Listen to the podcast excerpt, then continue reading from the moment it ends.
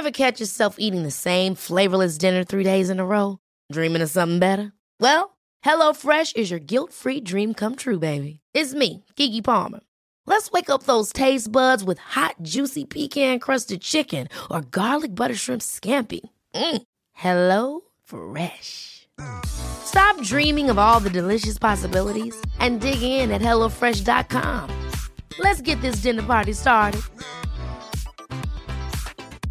Ready to pop the question? The jewelers at BlueNile.com have got sparkle down to a science with beautiful lab grown diamonds worthy of your most brilliant moments. Their lab grown diamonds are independently graded and guaranteed identical to natural diamonds, and they're ready to ship to your door. Go to BlueNile.com and use promo code LISTEN to get $50 off your purchase of $500 or more. That's code LISTEN at BlueNile.com for $50 off. BlueNile.com code LISTEN.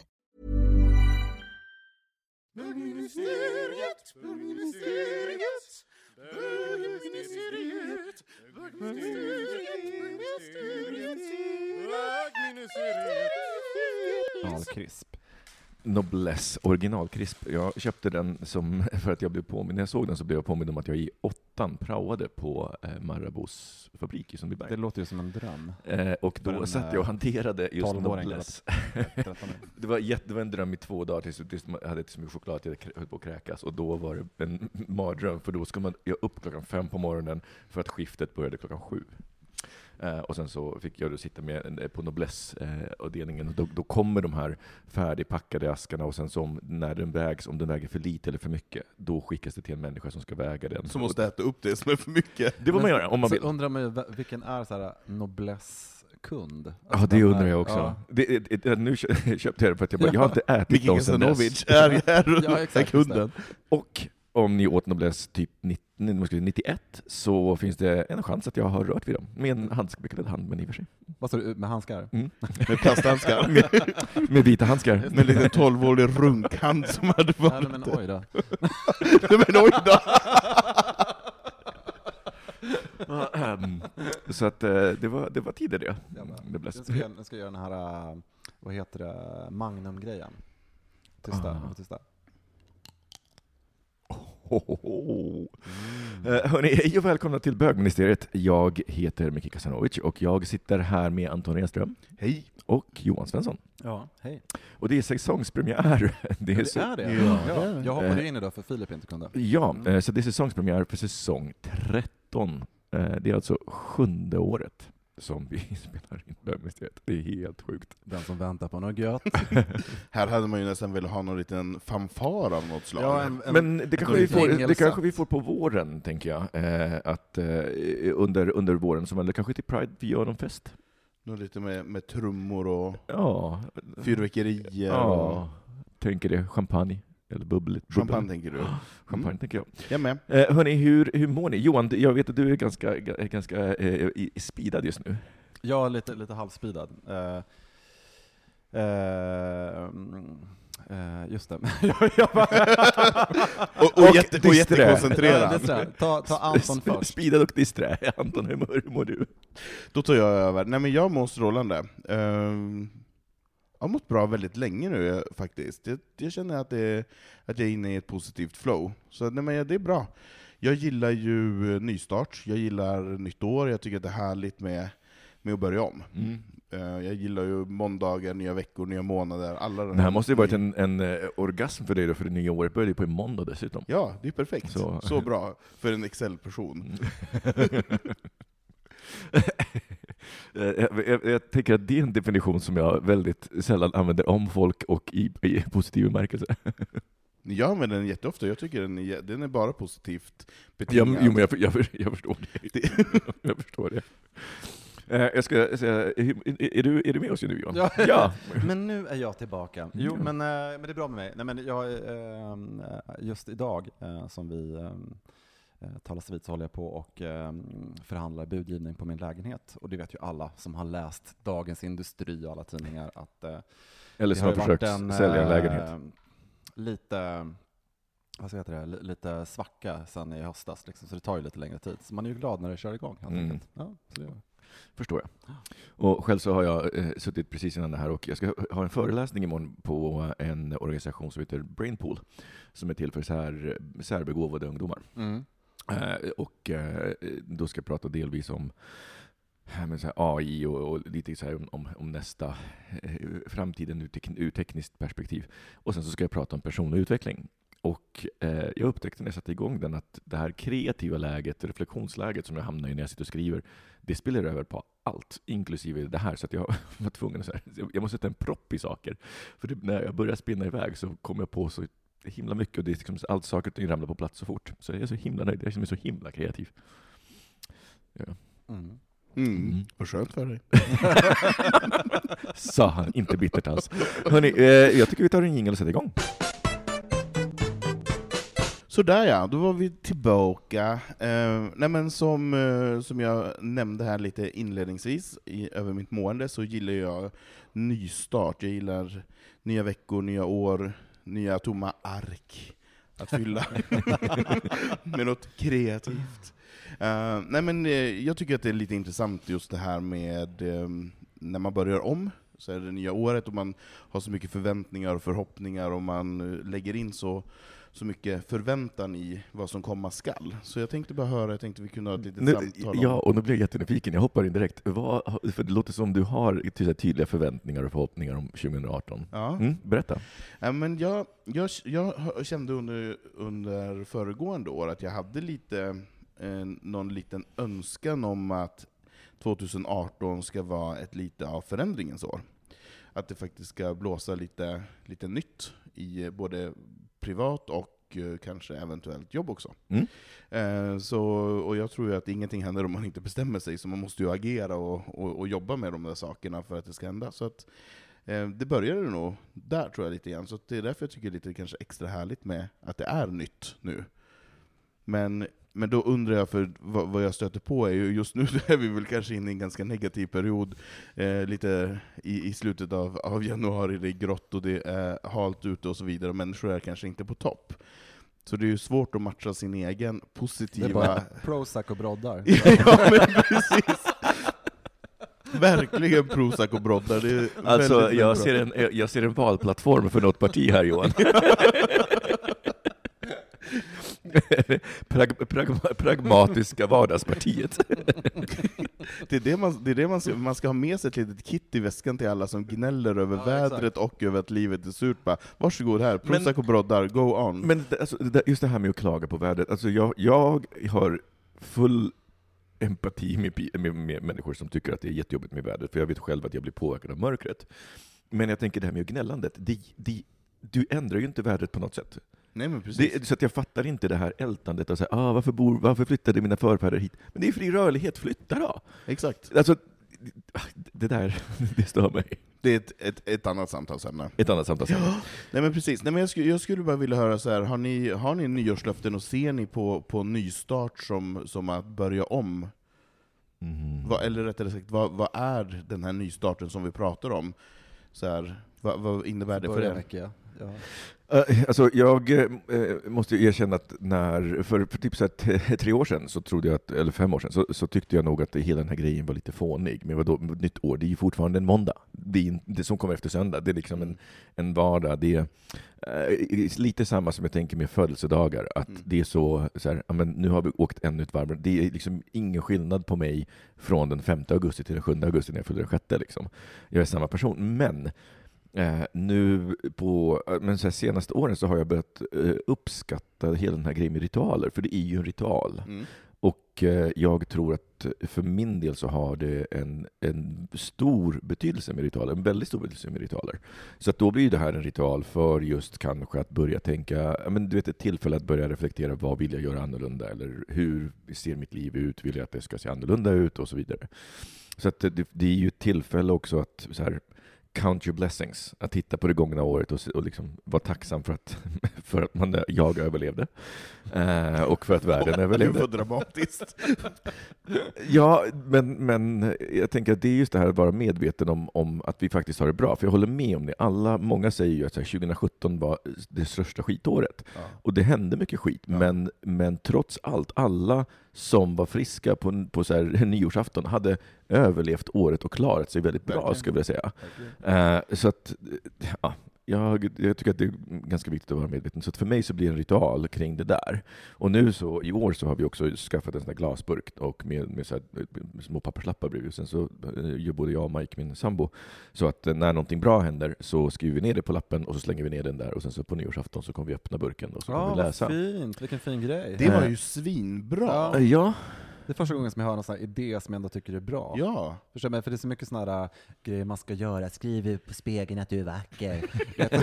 Såna där liksom, ja, men sånt där grejer som känns Affirmera- så här- som affirmera känns så jävla konstlat på Ja, sätt. precis. Men jag tror att om man kan ge, sig, ge ifrån sig någonting spontant och samla på precis, det låter nästan som en dagboksanteckning Ja, men eller exakt, en som- not. ja, det. Är, det är faktiskt görbart Ja. liksom, att eh, ta en liten paus med det här när du ska skapa aforismer. Ja, nej, men där. exakt. Det, det blir så konstigt tycker jag. Nej, men exakt. är det du som har kommit på det, eller Micke? Nej, nej, nej, gud, nej. Det här, jag Winfrey. läste det. Det skulle inte förvåna mig alls. Men, men det här, eh, jag läste det i en så här eh, Life Pro-tip-forum. De bara, men, men för det nya året så kan man göra så här.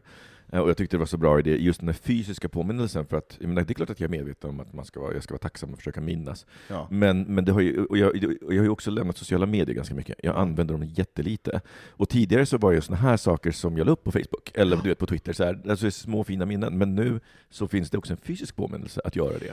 Ja, den där var svinbra, den där ska jag, den ska jag använda. Mm, den var mycket, verkligen. mycket bra. Mm. Det var exakt det jag ville veta typ. Tack, varsågod. Johan, hur, hur ser det på nyår? Nej, men det var jättekul. Det är en kul fest framförallt. Jag var ju i eh, Köpenhamn eh, på nyår, det var skitkul. Eh, för det första har ju vår, en av våra Just det, det var i ministrar princip alla, alla var Ja, där det utom var jag lite och laws of Mike. attraction, det var skitkul. Eh, jag var inte på Kristoffers eh, inflyttningsfest, för den var, det var bara att det hände två dagar innan eh, nyårsafton. Men sen så var ju vi, Anton Kristoffer ville ha lite uppmärksamhet innan nyårsafton skulle gå av stapeln. Nej, och du var ju där också, det var ju skitkul. Vi träffades ju på nyår. Eh, så då var alla i Köpenhamn, och det var två killar som eh, också hade... Det var väl lite av en inflyttningsfest det också. Det var också en Ja, inflyttningsfest precis. fast Ja. ny, i nyårstappning. Ja, men mitt inne i, i, liksom i Köpenhamn, nära Studiestrasse eh, och... Eh, eller Studiestrasse. Yeah. Studie. Ja, men det var jättekul. Det var jättekul. Det var liksom, Och jag vet att det var ett tema på middagen och jag vet att ni tolkade det väldigt olika jämfört med danskarna. ja, och jag var faktiskt inte med i den grejen. Det kan vi också återkomma till. Det kan Anton få berätta om. Ja, det kan, jag, jag kan, Ja. det kan jag återkomma det var Ja, roligt. Ja, Men, eh, men till, till nyårslöften, i år har jag faktiskt inget nyårslöfte. Nu känner jag att jag tänkte, gud vad tråkigt det ska vara den som ska säga något så här tvärtom. Men jag har faktiskt inte det, utan jag är också så här bara I'm gonna survive this year.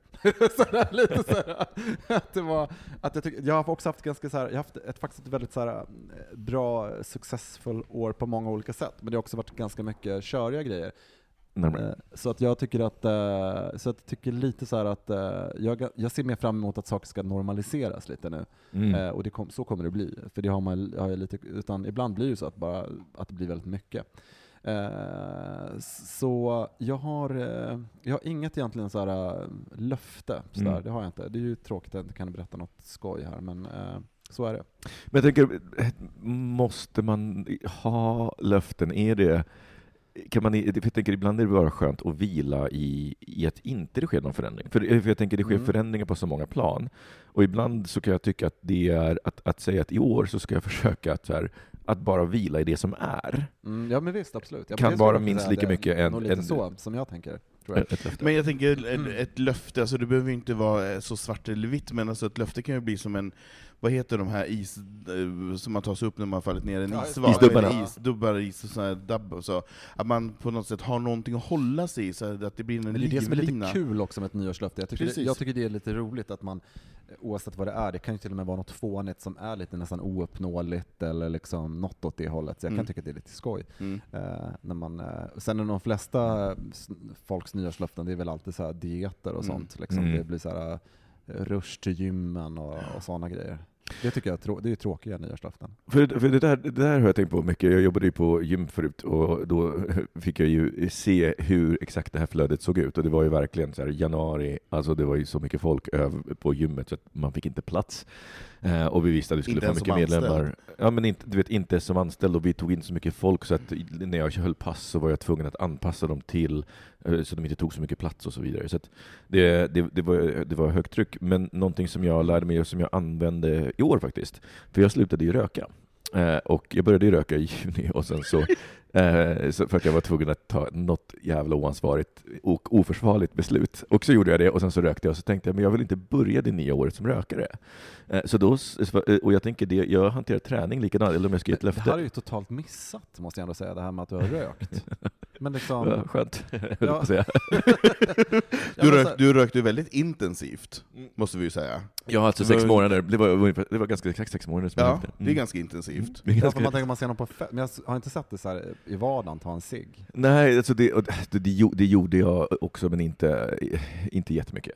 Men det, det var ju tillräckligt för att jag skulle ha, liksom, jag, jag rökte, så, Mm. och så skulle jag sluta, och då eh, tänkte jag, och, och det, jag, tycker faktiskt att det är ett ganska intressant knep, för att om det finns en ritual i det här att ja, men det börjar ett nytt år, att, att faktiskt börja med den nya vanan eh, redan innan jul, Mm. för då fortsätter du en vana Mm. på det nya året, och det är en stor skillnad att fortsätta göra någonting och att börja göra någonting. Mm. Tröskeln för att fortsätta är mycket mindre mentalt.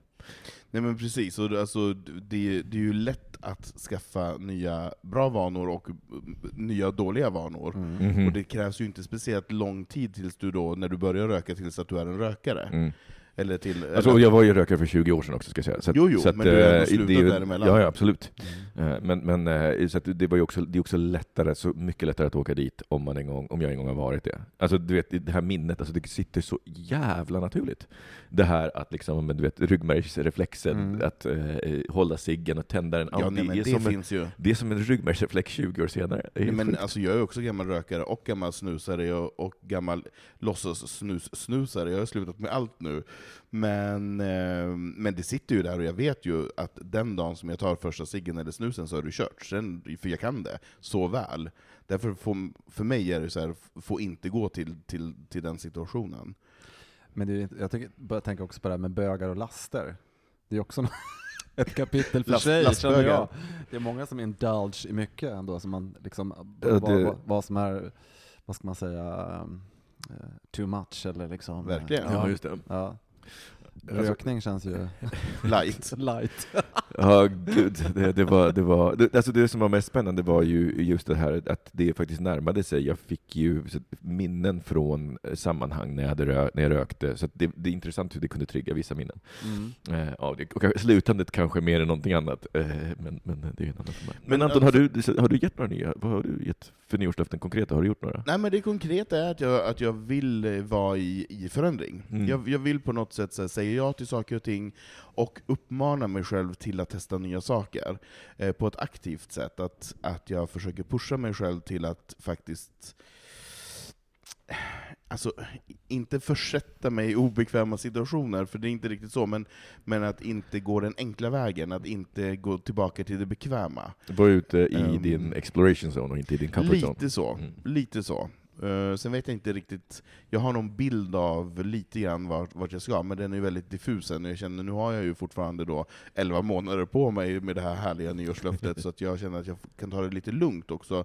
Behöver inte få den här träningspaniken i, den här, i det här beslutet. Måste bränna ut det i början. Nej men precis, utan det får det ta lite tag, ett tag, och märker jag att i november att jag inte har gjort någonting, ja men då kan jag väl få den här träningspaniken då, och sätta igång med det till 100%. Så jag känner man får vara lite snäll med sig själv och vagga sig in i de nya sakerna också. Tänker jag. Ja, men det, det, jag tycker att det låter, låter himla rimligt. Men om vi tänker då på så här, förhoppningar och farhågor om man tittar på det nya året. Vad är det bästa som faktiskt skulle kunna hända som, som du ser i 2017? Så här, om du sitter på nyårs, 2018, förlåt gud. Eh, om du sitter på nyårsafton så tänker du tillbaka på det så tänker du ja, ah, det här var faktiskt det som så att säga, rimligtvis kunde hända och hände och det känns så, himla bra. Ja men det är när jag vaknar upp helt plötsligt i juli, så här, smal, vältränad. Ska man minnas det, den morgonen, den morgonen. Jag bara, men gud, jag bara, vad hände? Jag bara, wow. Jag bara, men Barry, oj, oj, oj, vad hände? Oj. Ett, ett, ett, kanske händer någon gång i framtiden Johan, men än så länge så vet jag. Eller vi kan, vi, vi kan ju försöka gå det till, till, till, till, möte, till mötes, men jag tänker att det kan innebära så här ingrepp i hjärnan som du inte är Ja, beredd exakt, på. exakt, just det. Men det skulle- Vi, vi, vi, vi, tar Johan, ja, vi, tar, vi tar Johan och tränar stenhårt, så försöker vi ge honom amnesi genom att slå honom hårt. Ja, ja, men precis, precis. Ja, eller hur? Just Ja. det, exakt. Att man liksom får den där lyckan av att, liksom, att man inte har gjort ett skit. Nej. Och sen bara vaknar upp och sen... eh, Super, supernöjd.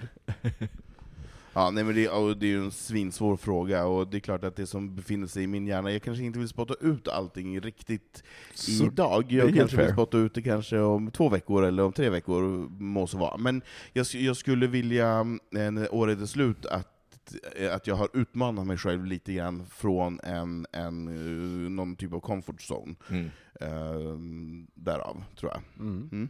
Det. Så att, man, eller så att jag känner att jag har, har gjort någon typ av eh, viljeförflyttning. Mm. Förstår ni ungefär vad, jag, Mm. vad jag menar? Mm. Sådär. Det behöver inte vara så, så synbart alla gånger. Det behöver inte vara att man har gått ner 20 kilo, eller att man har, har gjort någon dramatisk förändring, utan det kanske bara är att man själv känner att man har förflyttat sig till ett annat state of mind när det gäller vissa saker. Mm, just det. Så att, inte så mycket en yttre resa, utan en inre. Mm, kombinerad skulle jag nog önska vore den bästa. Mm. Mm. Härligt. Och farhågorna då? Det är väl att man lever i en fantasi. Och, bu- och bubblar vidare!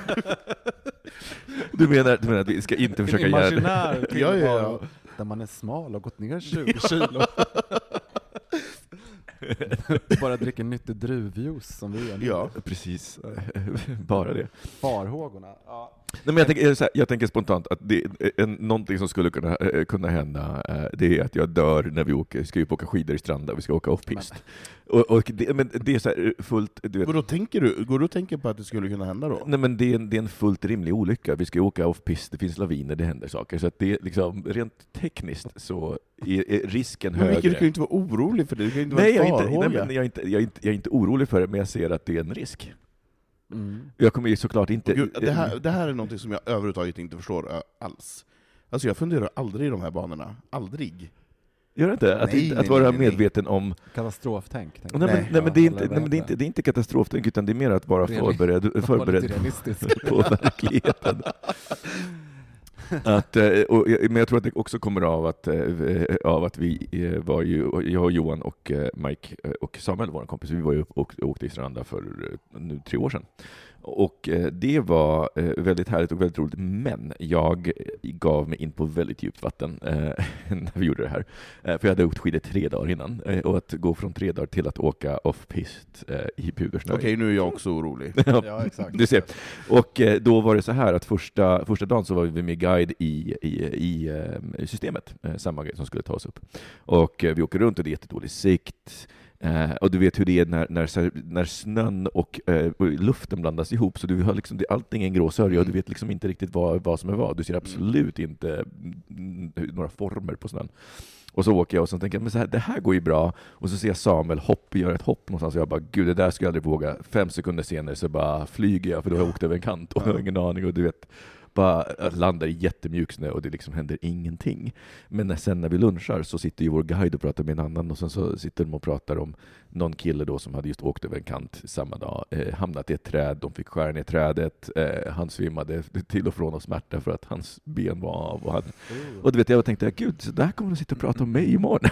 för det är ungefär den nivån jag är på.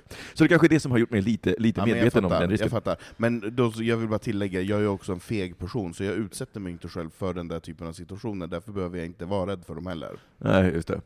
Nej, det jag ser väldigt mycket fram emot det, så att, och jag tänker att det är, säger väl hur roligt det var sist, när det är värt Mm. en sån potentiell risk, Mm. Spännande. tänker jag. Så det är vad jag tänkte med, med farhågor. Ja. Farhågor, det låter så Mm. fartgupp, så jag ser bara en sån här ett varningstriangel. Det är, det är bra med någon typ av varning, alltså att det är lite gupp på vägen så man hinner tänk, tänka lite grann över sina beslut så att man inte bara dundrar på, för alla, alla beslut som man tar är ju inte alltid de bästa, så ibland kan det vara bra att ifrågasätta.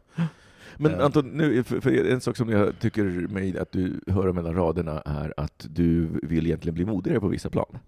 Eh, att Ja. liksom i, i förening. Och jag tänker, du är ju modig på vissa plan, eller ser du dig själv som modig på vissa plan? Ja. Och vilka plan ser du dig som modig på, och vilka plan skulle du vilja bli modigare på?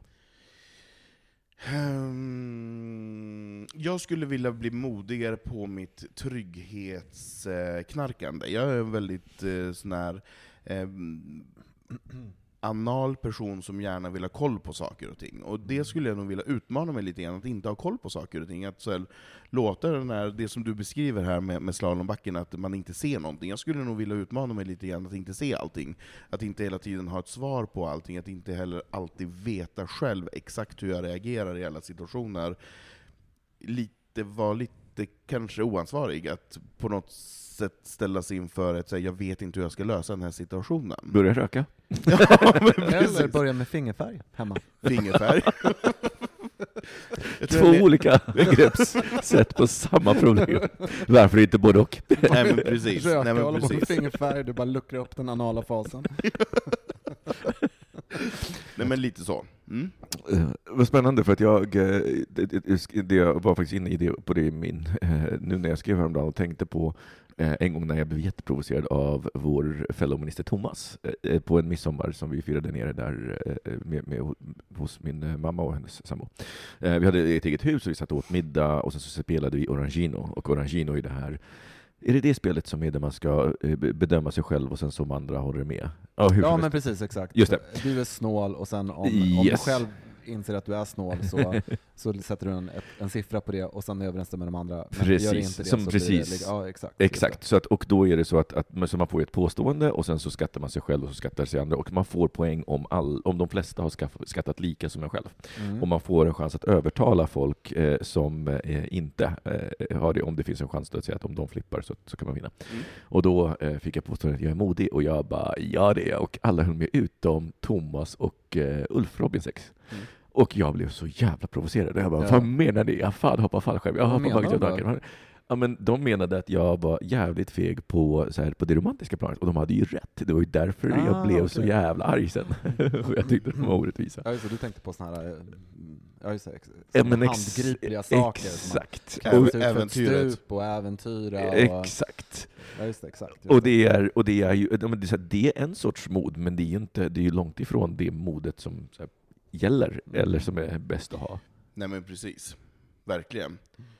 Ska vi, ska vi köra den här eh, nyårsgrejen också, Danmarksmiddagen? Ska vi ta det som Mm, Ja, nej, men berätta, för jag, jag tycker det är så himla För jag- roligt. Jag Det var, ni var alltså, det var alltså ett gäng svenska bögar, eh, eh, många från eh, bögmuseet, det var Kristoffer Ja. och hans pojkvän Mm, som har flyttat ner dit, och så var det Mm. du och Robin. Precis. Mm. Och då ska jag säga att jag kom till den här festen långt senare för att jag hade en egen grej hemma, så det är bara Anton som kan berätta den här Just det. storyn innan om Hur det, på, hur det var på Hur riktigt. det var på riktigt. Och till saken hör att jag bjöd ju in mig själv till den här nyårsfesten, för att Kristoffer bjöd ju in till sin inflyttningsfest. Och då sa jag, vad trevligt, jag kommer jättegärna på din inflyttningsfest, men det innebär att jag också stannar över nyår. Och då sa Kristoffer, ja men då får du följa med på den här festen hemma hos de här. Och då sa jag, men åh vad trevligt. Så chantilt. Ja, eh, och då var det ett tema på den här festen, för det skulle ju vara uppemot 25 personer som skulle komma till den här festen, och mid- det var middag. Och det var ett par, en dansk bög som hade den, Eh, hur? det var en dansk bög och en svensk bög, och båda de här två bögarna bor i eh, Köpenhamn Mm. tillsammans. Eh, och de hade sen i höstas flyttat ihop i en ny lägenhet, precis som Johan då sa, vid, mitt i smeten, precis vid Ströget och eh, några gator upp där vid Studisdrase. Eh, nej men så det var supernice, och temat då på den här eh, middagen slash festen var bröllopstema. Just det. Och det är underbart att, att det finns ett, det är inte så ofta som man går på en nyårsfest med ett tema. Så att hjärncellerna började jobba där och kreativiteten tog ju, tog ju en, en loop. Och sen började man jobba lite, man lite olika utstyrs, utstyrslar som man kunde tänka sig ha på sig. Eh, och sen så bodde då jag själv på hotell, och de, eh, ja, de, alla bodde på hotell, och Kristoffer och Jone bodde då i sin lägenhet, och sen skulle eh, de andra göra sig i ordning hos Kristoffer och Jone, men jag bodde så nära de här eh, festen, så jag var hemma. Mm.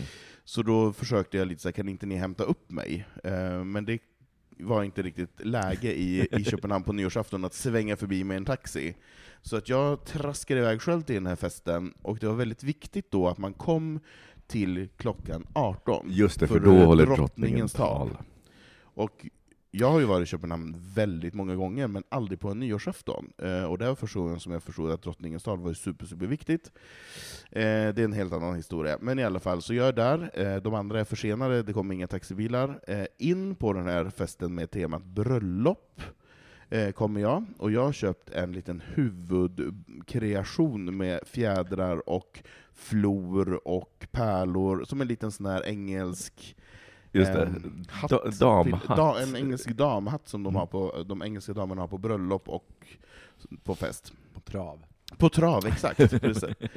Eh, och jag kände mig jättefin och sådär, och skred in på den här festen och möts bara av ett gäng av danskar som då har tolkat bröllopstemat annorlunda. Eh, så alla står där i jättefina vita skjortor och välpressade svarta byxor och Alla valde best man. Alltså de, alla var the best man, och de var, alla var sjukt snygga och jättevälkammade. Eh, in kommer jag med mitt lilla flor och fjädrar i håret, men jag kände bara att det att gilla läget. Sen var det då drottningens tal, eh, som då fortlöpte. Eh, med mycket dunder och brak så förstår man att det händer någonting ute i trapphuset. Eh, och där är resten av svenskarna. Då kommer Jone, Kristoffer och Robin och eh, Rasmus och några till in. Och då har ju de också tolkat sitt lilla, lilla tema till bröllopsfesten, så de är eh, eh, de har smitit från, från eh, möhippan. De är möhippan från Las Vegas, och de har, har tagit på sig härliga peruker, kjolar och skärmkepsar och lever, lever, lever ut.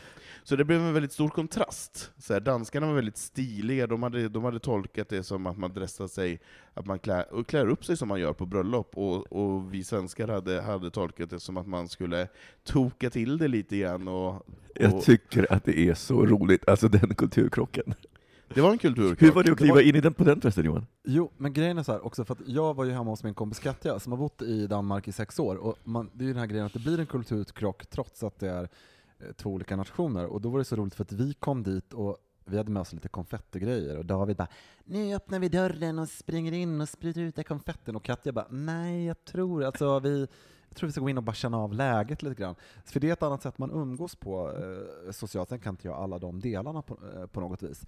Men därför tyckte jag, var lite när vi kom in så var det någon som stod och sjöng och det förstod man att det var inte ironi. Nej, Nej, nej, det var någon som stod och sjöng helt förskräckligt.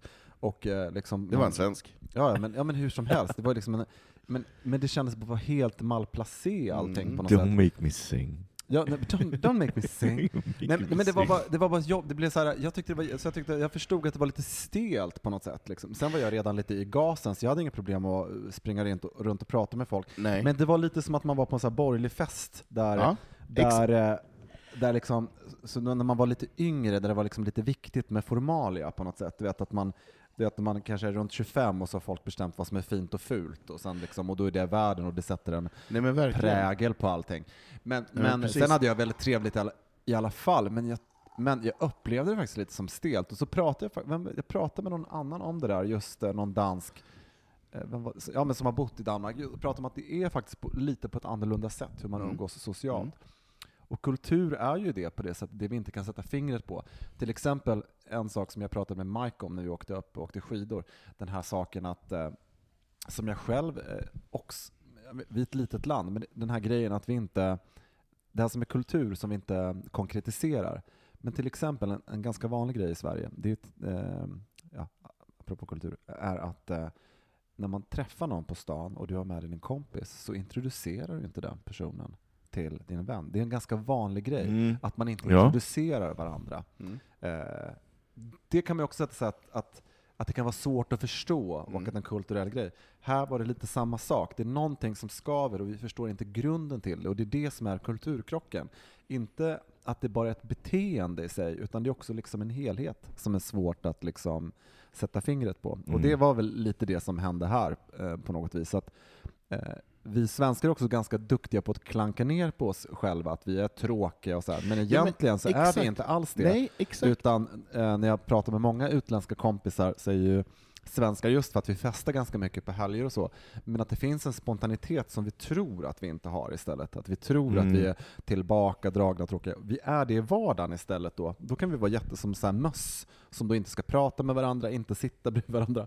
Men sen när vi festar så blir ju det en total kontrast Just det, var intressant, bestämt- för danskarna är ju... socialt, Exakt. liksom. När vi har bestämt att nu är det fest. Nu är det fest. Nu har vi liksom. ansträngt ja, oss. Nu, ja, men visst, exakt. Mm. Och då ska alla prata med varandra och, och liksom, det finns en öppning till det. Liksom. Men det är en kulturell grej som jag tror inte vi, vi har koll på själva riktigt hur det funkar. Så jag tänkte ju också det att, men gud, fan vi är ju i Danmark, så jag tänkte att när vi, när jag tänkte när vi kom till den här festen, då tänkte jag att nu kommer vi komma in i ett hav av transor Ja. och liksom folk och det är hög musik och Ja. dans.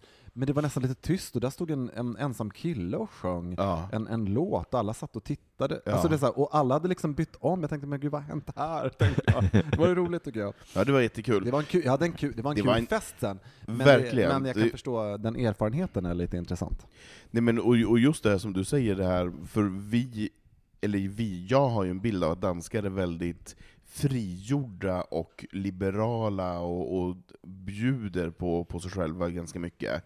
Eh, och jag tycker ju att, att jag har en bild av, av mig själv som svensk, att jag är lite tillbakadragen och blyg. Men det fick man ju verkligen vända på myntet där och vara den som stod för tjoet och kimmet. Och fick verkligen, jag fick verkligen också utmana mig själv att prata. Att gå fram till människor och säga hej hej och ta för mig. Eh, på ett sätt som, som blir lite obekvämt när man själv känner sig lite utklädd. När man inte känner att man passar in i, för man är ändå När man blir den enda som kommer utklädd till festen. Ja men lite så. Ja, jag fattar. Nu var världen, eh, den ena världen var nunna, så det var helt okej. Men, Nunna. men alltså normen, alltså gäller den stora gruppen var, när Ja. jag kom till Ja, Sen finns en annan obehaglig sak som också är i Sverige på ett annat sätt. Det är ju också den här grejen att, att när man Eh, så fort ett sammanhang blir större så, eh, vi tycker det är så härligt när vi är ute och reser för alla pratar med varandra, men det är också just för att det är stort. Man, eh, så, men vi är ju vana att vi träffar varandra igen. Det finns en garanti att det finns ett möte som kommer igen. Och i Sverige så älskar man ju att umgås i grupp. Det är ju också en sån här grej, att gruppen är supervanlig. Så du kan ju komma på en fest där du är bjuden till, men egentligen så pratar du med tre personer till på den här festen, för de tillhörde inte gruppen som du var bjuden på. Så det, det, det sådana där kulturella grejer är ju liksom, för då är du också den här, egentligen som en slags, det är MC-gänget, du är där på den här första festen, sen kanske när du är där på tredje festen, då börjar du komma med i den här gruppen, då kanske du börjar prata med lite folk. Men det är ju många gånger man går på en fest i Stockholm där man inte har hälsat på alla, alla eh, under en kväll. Det är ju unikt, skulle jag säga. Just det. Jag kan verkligen se det. Hörni, eh, våra kära lyssnare, vill ni berätta om några nyårslöften eh, eller kanske ha några lika bra tips som, som den här eh, burktipset så får ni jättegärna höra av er till oss på hej.bogministeriet.se eh, eller så kan ni göra det på Facebook eh, också eller på vår sajt. Då ni kan vara helt anonyma. bögministeriet.se. Vi kör en liten jingel.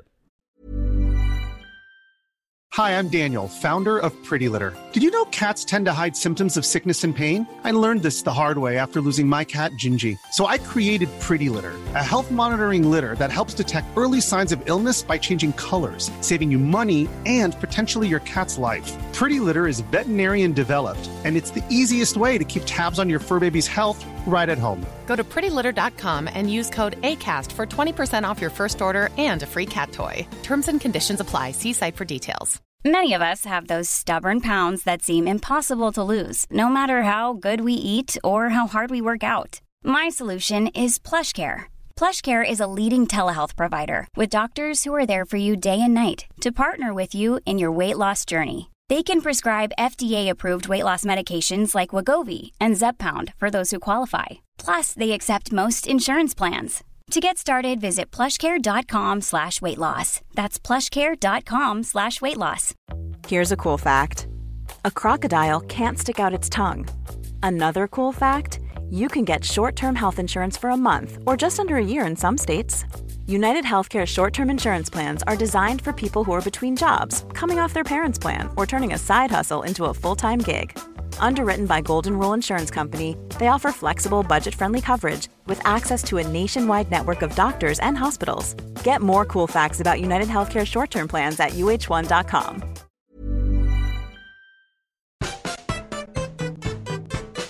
Hörni, eh, den här säsongen så ska vi ha ett eh, litet nytt inslag som eh, vi kom på som, eh, eh, på vårt redaktionsmöte för två veckor sedan. som vi kallar för fag eller gag, som är som hit eller shit.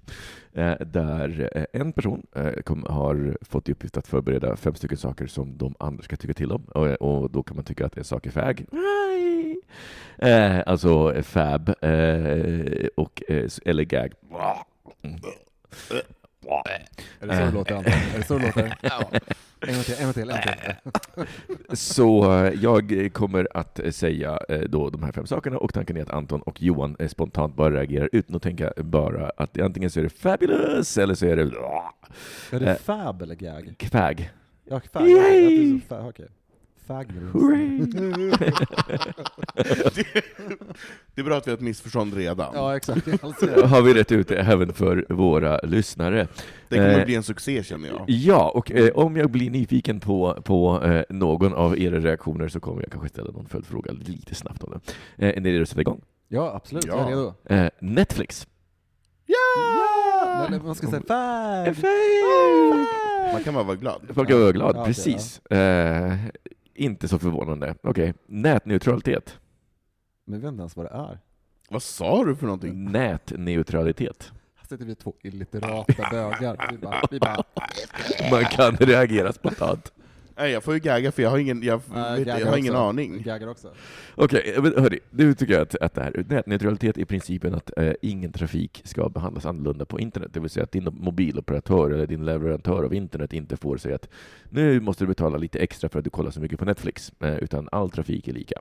Det här var liksom Mickes faktaruta som ni inte tog upp Nej, på. men det är, en, det, är en super, det, är en, det är en viktig princip som faktiskt Ja. är bestridd nu, för att i USA så har man eh, röstat bort nätneutralitet och det kommer få påverkan även i Europa. Eh, I Europa så har vi än så länge ett visst skydd mot det, men, men vi är inte skyddade från det. Och det kan innebära att man eh, i framtiden kanske då får... eh, Att det, det stryper yttrandefriheten för alla småsajter som kanske vill komma fram skulle kunna behöva betala pengar för Jag förstår, nu, Ah, nu, okej. nu när du har upplyst oss bara så kan, kanske vi även, så eventuellt vi kanske vill ändra oss. ändras. Men jag tänker det är också, det är ju så intressant, men det är ju en spontan reaktion. Folk tycker Ja, ja. inte om det. Ja. Okej, nästa grej. Svensk, svensk stand-up comedy. Gag! Berätta Johan, du var snabb där. Ja. Den är antiintellektuell, Mm. eh, slapstickartad, grabbig, eh, förutom några väldigt få exempel. Så jag tycker att den har liksom inte kommit framåt. Bra sammanfattning tycker jag. Eh, semlor första januari. Fag!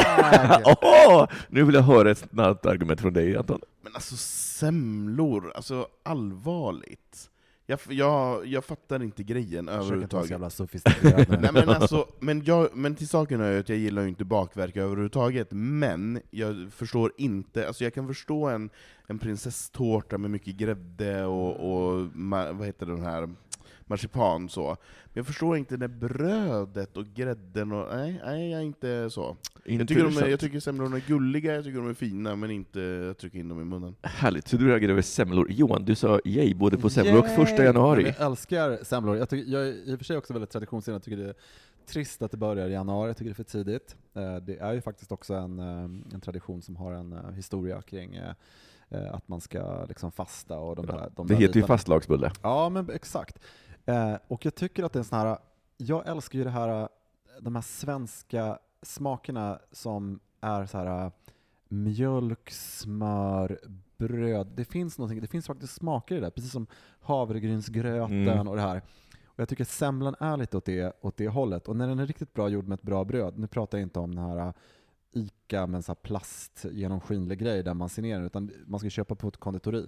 Och då kan jag ge ett tips, vi är ju inte sponsrade men jag kan ändå säga att, att jag tycker den är jättegod på Café de la Sport vid Hornstull. En Mhm. jättegod semla eh, som de brukar ha. Och sen brukar det alltid vara en semmel, eh, semmeltävling, men jag kan tycka att det är lite lyxigt om s- eh, brödet är lite saftigt och ska krossad kardemumma i sig så att ibland kanske får så här som du tuggar till lite på.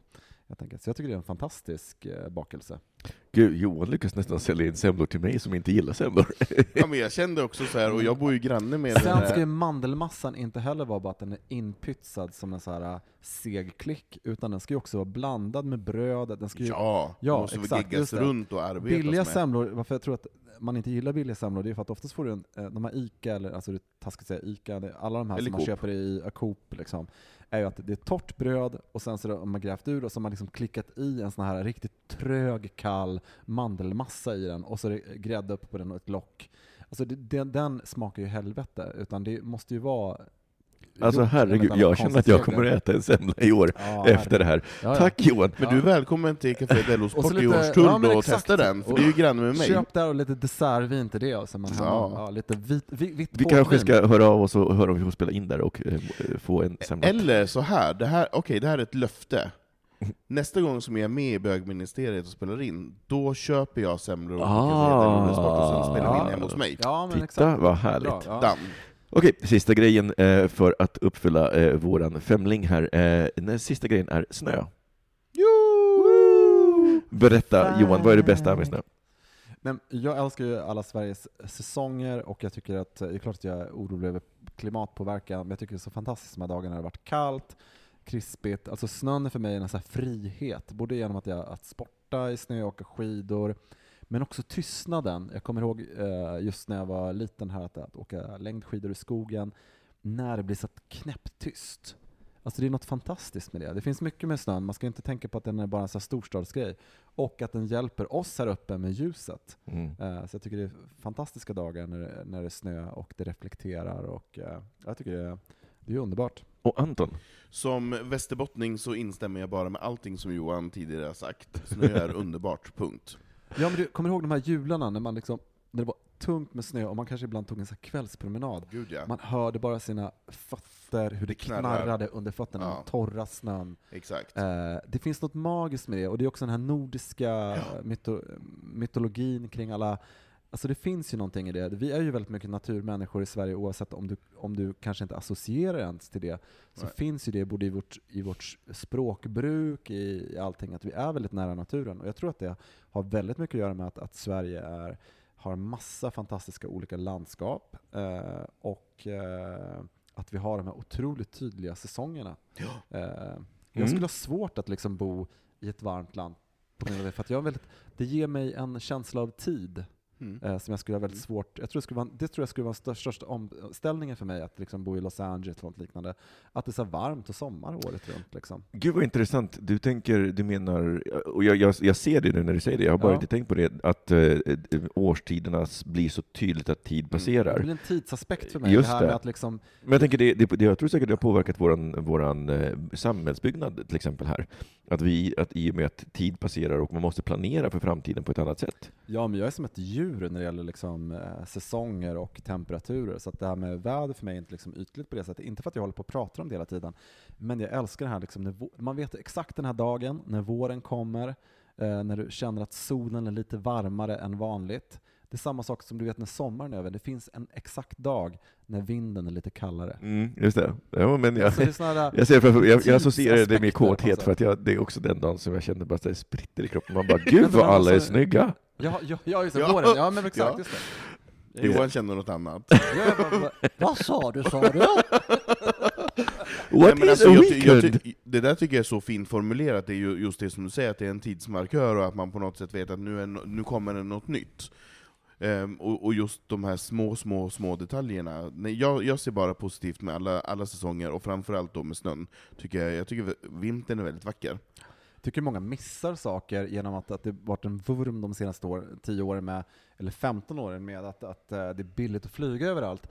Men att man missar det här med, med den svenska naturen och eh, sommaren, men också eh, där, hela landet. Liksom Kiruna ner till eh, södra Sverige. Vi har Och nu måste jag bara snå det här, för att jag vill ge ett tips. Eh, där vi var i helgen och det jag vet att du introducerade min sambo till förra Mm. helgen. Eh, Gesundabacken utanför Mora. Alltså, för alla måste åka till Gesunda. Det är helt fantastiskt. Det var som att, eh, alltså skidbacken är kanske inte världens största, men det är, var så lugnt och så lite folk och så mycket snö. Mm. Alltså det var som ett winter wonderland överallt. Det bara låg tunga tecken på banorna och bara Alltså helt magiskt. Jag hade så himla roligt. Så det är ett tips. Gesundabacken utanför Mora nästa gång ni ska upp och åka skidor. Hörni, vi tar en jingel. Eh, Jag har funderat på det här med eh, karriär. Eh, och att vad man ville bli när man, ville bli, eh, när man var liten och vad man skulle bli när man blev stor. Eh, och jag inser ju så här, nu att jag har, alltså, vet, så här, jag har noll aning om vad jag kommer göra om fem år. Och jag är helt fine med det. Att så här, ja, men det jag gör om fem år är säkert jätteroligt och jättebra och jag kommer tycka det är roligt just då. Eh, Och så har hela mitt arbetsliv sett ut. Jag har aldrig haft den här femårsplanen att jag ska bli det här eller bli, bli, bli, gå in i det där. Eh, och jag inser att jag har inte heller va- jag har aldrig heller varit det här barnet som har bara att jag ska bli det här.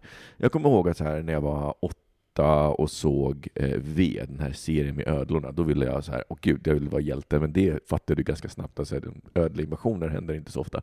Eh, och sen så eh, vi jobbade som knattereporter på radio och så såg jag på En röst i natten med Jack Killian, eh, Gary Coleman, och tyckte att han var så häftig och ville bli Nu har vi radiopratare. Tappat då, jättemånga lyssnare, men det är ingen, de, de här... De här de Ja, ja, ja, men är gud, nej, men, eh, jag vet inte om det är våra yngre lyssnare, men då får du väl läsa Good på. night, för fan. America. Wherever you you are.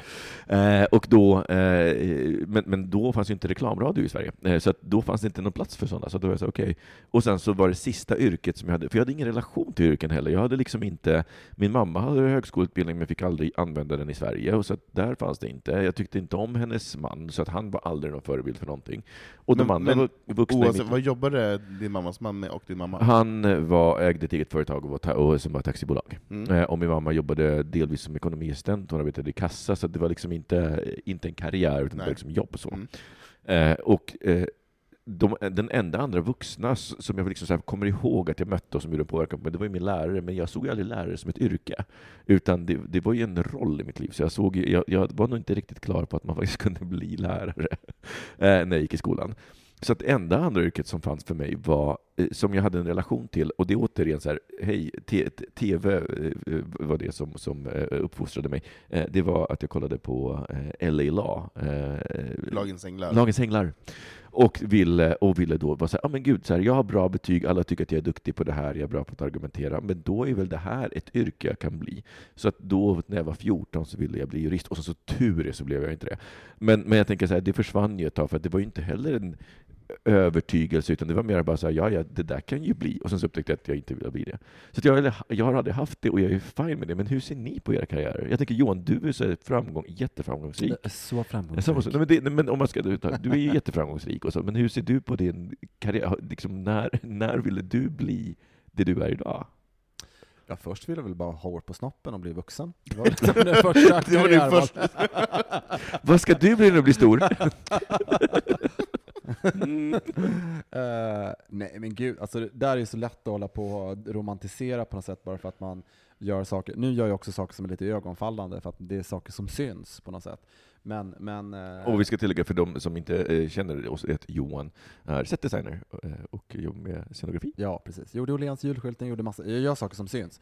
Men, men det, är inte det, det är inte det som success, alltså, så- det, utan success är att man gör ett jobb man trivs med och att man trivs på sin arbetsplats och eh, får lön och kan betala saker. Jag kan tycka så här att att eh, vi har också någon slags eh, hierarki vad som är värt någonting eller inte värt någonting i vårt samhälle och vi måste liksom komma bort ifrån den grejen överhuvudtaget.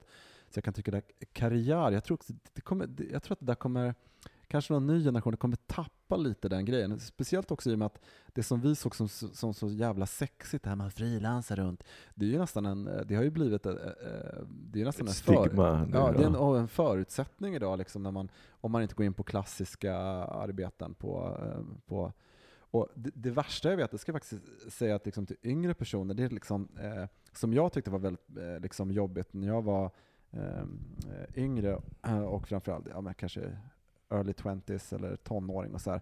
Det är liksom, man läser ju så jävla mycket historier, man, att folk har liksom ett kall. Du vet, så här, liksom, eller att bli konstnär, det är inget val. Liksom, det är någonting man känner inombords eller något sånt där. Och jag tycker det där är ett skitsnack, för det funkar inte så. Liksom. Och utan, utan eh, det bygger på jättemycket olika saker. Var du kommer ifrån, vad du har för möjligheter. Sen kan man ha olika färdigheter. Jag brukar tänka på att, att jag jobbar med konstnärliga saker, att det finns någonting i det. Eh, jag tänkte på Tracy Emin som är en här stor eh, konstnär, hon sa det i en intervju, sa hon så att om inte jag hade varit konstnär hade jag nog varit den där på jobbet som gjorde anslagstavlan lite extra fin och gjort lite...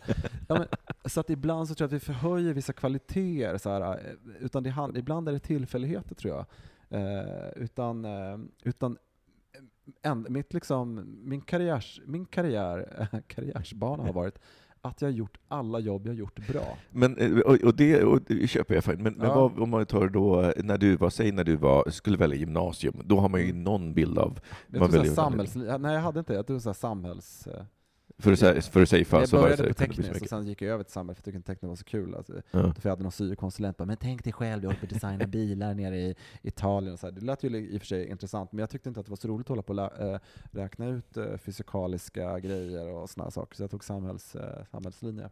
Men jag tycker det här med, med eh, karriären idag har blivit en, en väldigt, ett stort stigma för folk och att när man träffas socialt sett så ska man alltid ha gjort något så jävla intressant. Mm. Liksom, och, så här. och jag, tycker, jag, jag blir uttråkad av det på något Mm. sätt.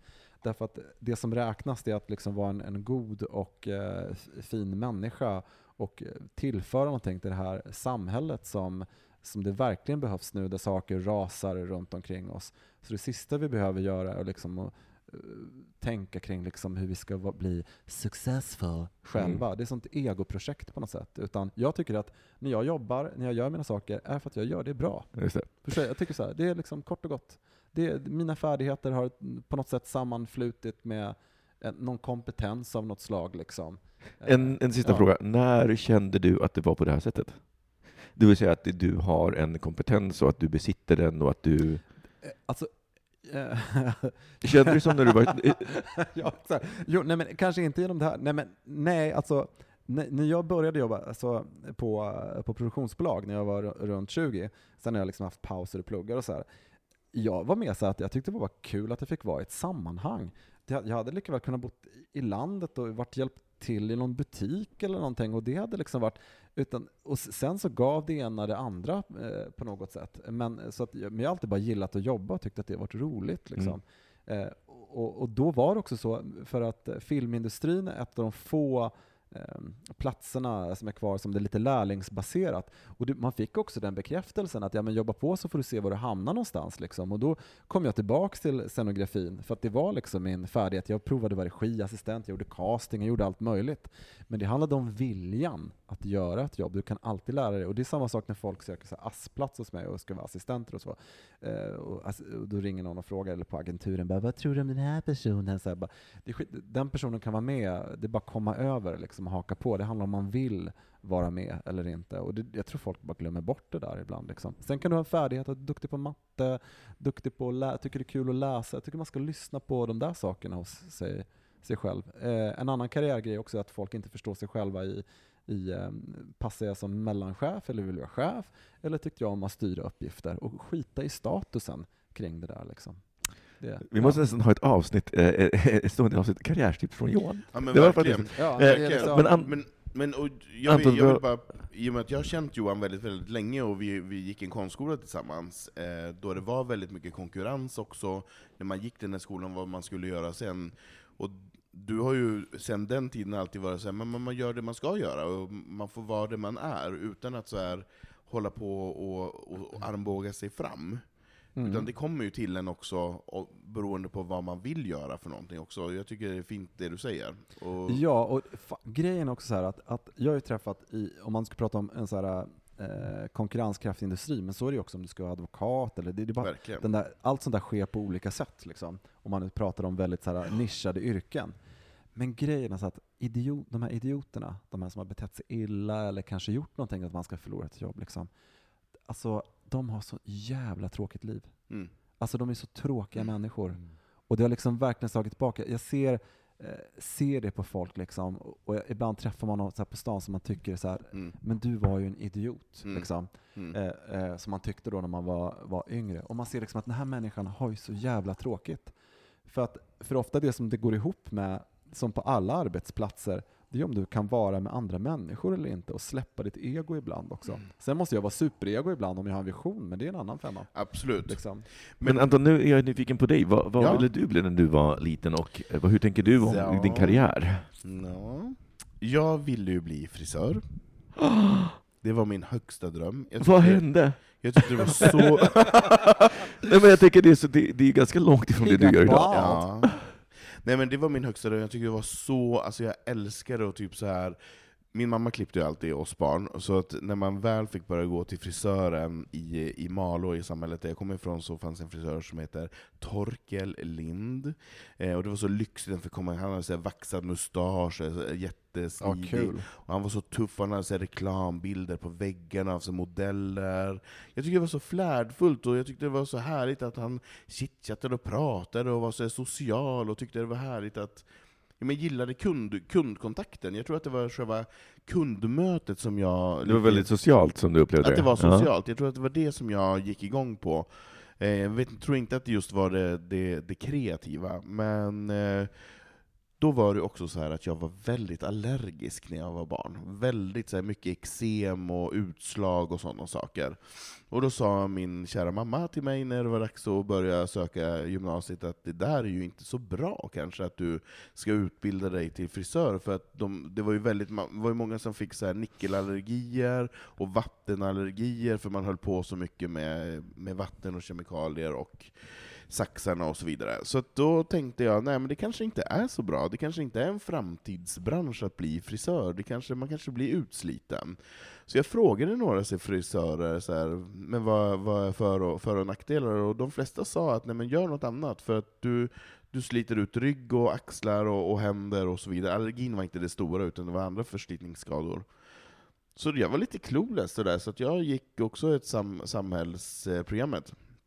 Och visste inte alls, utan jag gick där bara för att jag hade betyg och, som var lite så här okej. Och läste på där. Sen, sen upptäckte jag att ja, men jag, kanske, jag vill nog göra något konstnärligt. Jag tyckte att bild och esti, de estetiska ämnena var väldigt roliga. Så då bestämde jag mig för att jag skulle gå någon folkhögskola eller gå någon typ av konstutbildning. Jag visste inte riktigt vart jag skulle dra. Um, sen halkade jag nog in på så lite, jag var lärarvikarie efter gymnasiet, tänkte jag men då kan jag kanske bli bildlärare. Något sånt. Sen var jag lärarvikarie och kände att jag ska absolut inte bli lärare. Det värsta jag har gjort i hela mitt liv, att vara vikarie på en skola. Det var vidrigt. Eh, så mycket ansvar som föräldrarna la på de här stackars lärarna.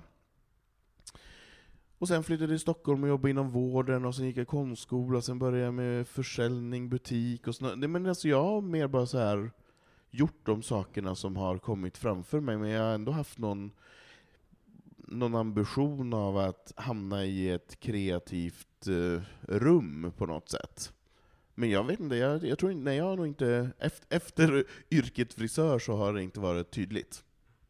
Ja, men för det där, för jag, nu tänker jag ju mer, mycket mer som du pratar om Johan, Mm. Eh, men eh, jag tror att jag, eller jag vet att jag under väldigt många år var jättestressad Mm. av hela den här att, nej men gud, alla, så här, du vet, när man, eh, jag kommer ihåg när jag var men, 25-30, då var ju liksom en sån där sak att, ja men förbered dig för intervjun, tänk på vad du ska svara på frågan, Mm. vad gör du om fem år? Och jag bara, alltså jag har ingen jävla aning, inte en suck. Och jag, är, och jag vet inte ens om jag vill veta, för det låter så himla tråkigt.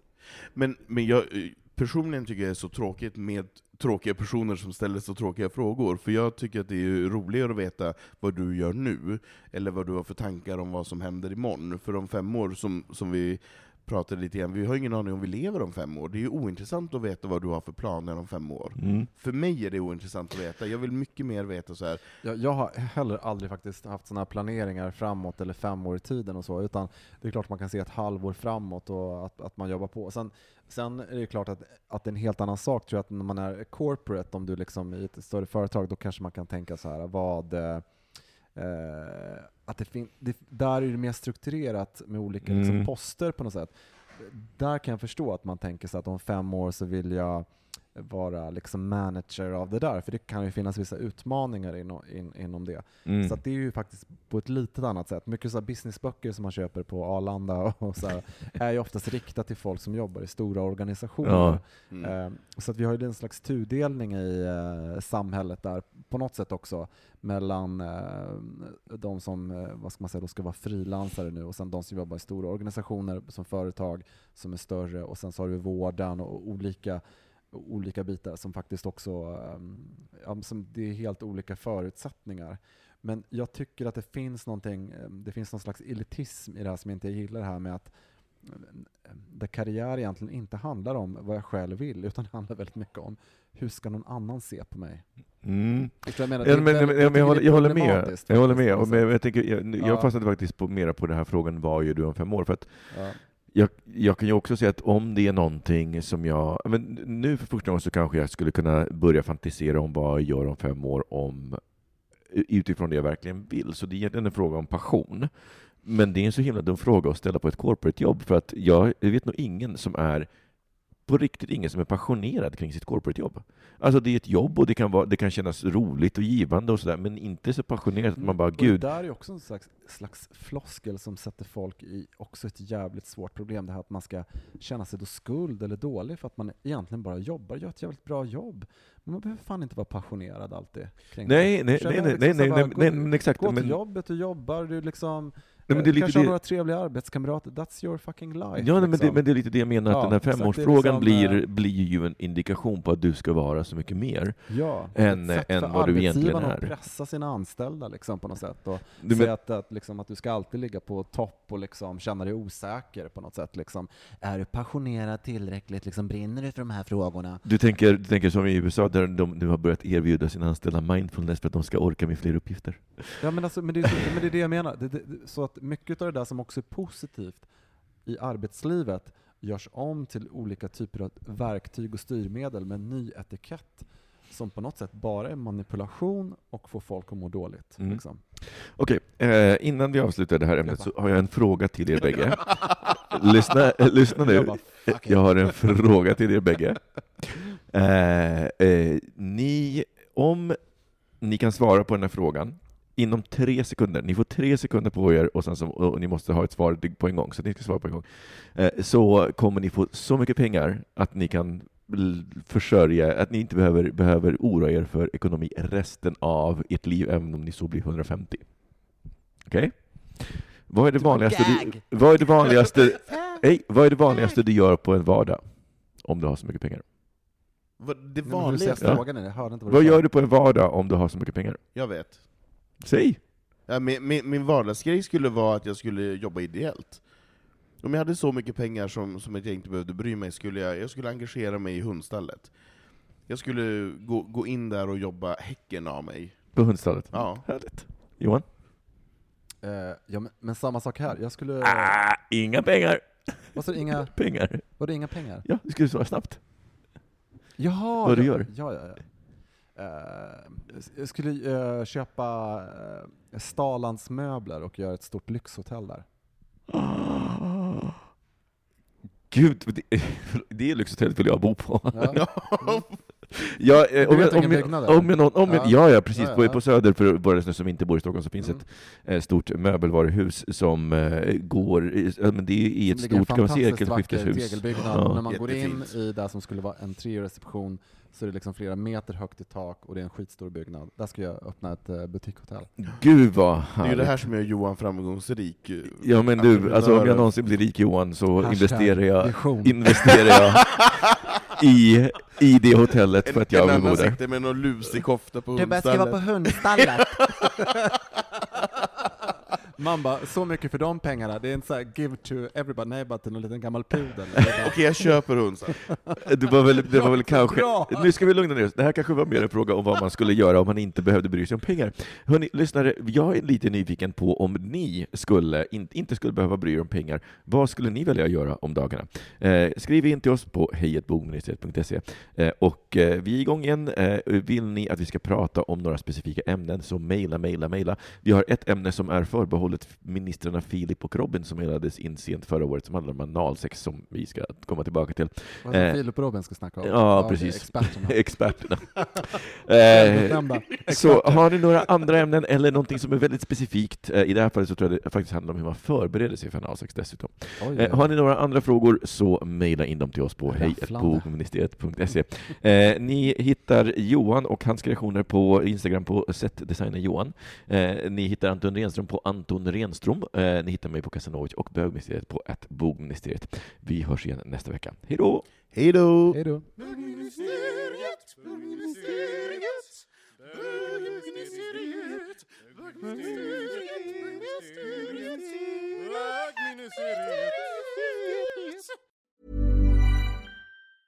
Ever catch yourself eating the same flavorless dinner three days in a row? Dreaming of something better? Well, HelloFresh is your guilt-free dream come true, baby. It's me, Kiki Palmer. Let's wake up those taste buds with hot, juicy pecan-crusted chicken or garlic butter shrimp scampi. Mm. Hello Fresh. Stop dreaming of all the delicious possibilities and dig in at HelloFresh.com. Let's get this dinner party started.